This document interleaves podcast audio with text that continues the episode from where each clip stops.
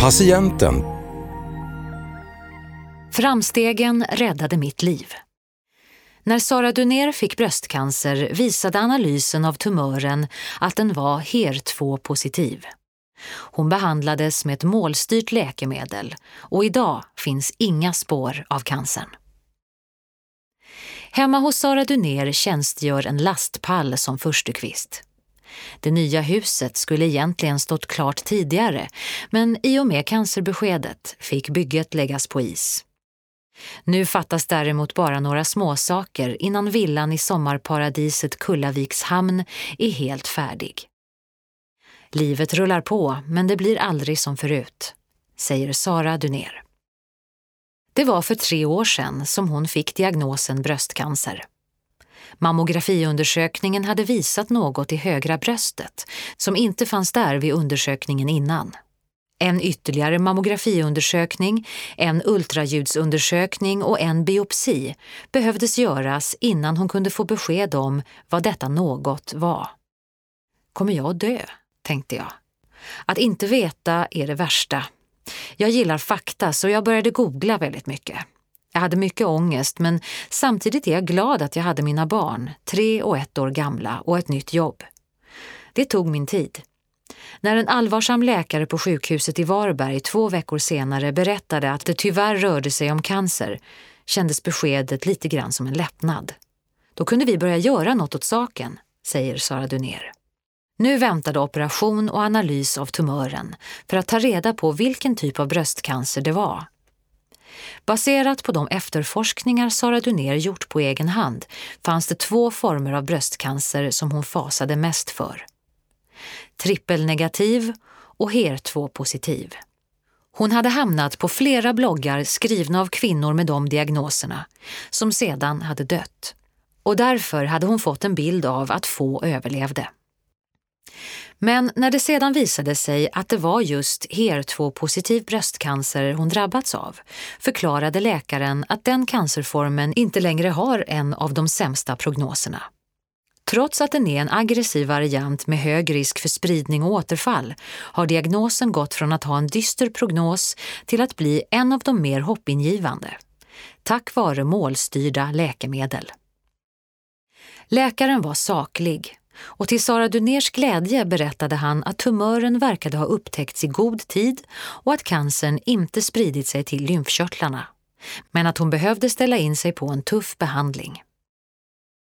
Han sa, du är ung och vi vill att du ska få leva ett långt friskt liv. Vi kommer att gå in med hela artilleriet. Det kändes väldigt tryggt, även om jag tänkte på hur det skulle bli med jobbet och husbygget och att tappa håret. Behandlingen inleddes med cellgifter varje vecka.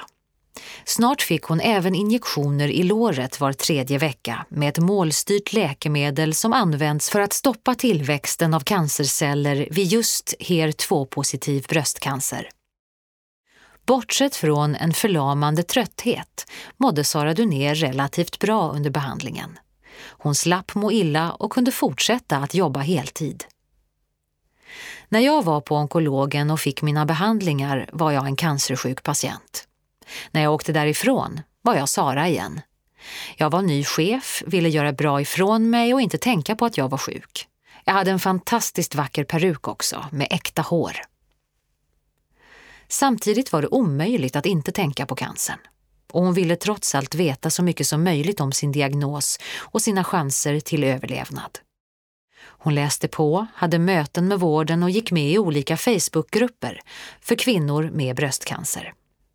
Gemenskapen på nätet med andra med samma bröstcancerform har varit både hjärtskärande och en viktig källa till stöd. Några av dem hon har kommit nära har gått bort. Men det är också på Facebook hon hittat positiva berättelser om hur bra det ändå går för många. Man kommer varandra nära, för ingen annan kan förstå hur det är. Du får en dödsdom när du är mitt uppe i livet. Injektionerna i låret fick hon under drygt ett års tid. Att behandlingen pågick under så lång tid var positivt eftersom det gav henne möjlighet att träffa sin kontaktsjuksköterska regelbundet. Med henne kunde hon diskutera saker hon oroade sig för och blev ofta lugnad. Sara Dunér framhåller att hon är väldigt nöjd med den vård hon fått på Hallands sjukhus i Varberg, där hon fick chans att välja behandlingstider som passade hennes vardagsliv och alltid blev tagen på allvar. De bemötte mig både i min oro och i min saklighet. Jag avfärdades aldrig. När cellgiftsbehandlingen var avslutad fick hon strålning 16 dagar i rad. Behandlingen kunde bara ges i Borås, en timmes resväg bort, vilket gjorde att hon behövde vara sjukskriven under hela den här perioden. Innan hade jag bara kört på, men då fick jag tid att vara hemma och grubbla. Efter det var jag helt utslagen i flera veckor. Idag får hon hormonbehandling som kommer att pågå under två och ett halvt år till, men är i övrigt färdigbehandlad. Eftersom tumören är bortopererad finns det inget sätt att se eller mäta att läkemedlen haft önskad effekt, mer än att kontrollera så att inga nya tumörer dyker upp. Nu är den värsta tröttheten borta. Det mörkbruna håret har vuxit ut till en tjock page. Husets altan är snart färdigsnickrad. En gång om året kallas Sara Dunér till kontroll med mammografi och ultraljudsundersökning. Däremellan försöker hon att leva som en frisk person, även om det är lättare sagt än gjort. Jag har hosta nu, och en hosta är aldrig bara en hosta längre utan det kan vara metastaser i lungorna. En huvudvärk är aldrig en vanlig huvudvärk. Sådana tankar hade inte jag innan. Det finns ett liv före och ett liv efter cancern och jag längtar väldigt mycket tillbaka till livet före. Vid tiden för intervjun är det bara en vecka kvar tills det är dags för treårskontroll. Den är förknippad med ångest och hon vågar inte känna på brösten av rädsla för att hitta en knöl. Ändå är hon än så länge nöjd med sitt beslut att inte operera bort dem i förebyggande syfte. Tack vare att tumören var liten och satt precis bakom bröstvårtan kunde den opereras ut utan något stort ingrepp i bröstet. För estetikens skull är jag väldigt glad att jag har dem kvar, men ibland känns de som två tickande bomber. Två fiender som ligger i bakhåll och kan attackera mig när jag minst anar det. Trots oron är Sara Dunér tacksam för att forskningen om cancer och behandlingar går framåt. Möjligheten att analysera tumören och rikta målstyrda läkemedel mot den är revolutionerande. Om jag hade fått den här sjukdomen för 20 år sedan hade jag dött. Nu lever jag. Jag räknar varje år som går sedan jag blev sjuk, väl medveten om att forskningen går framåt.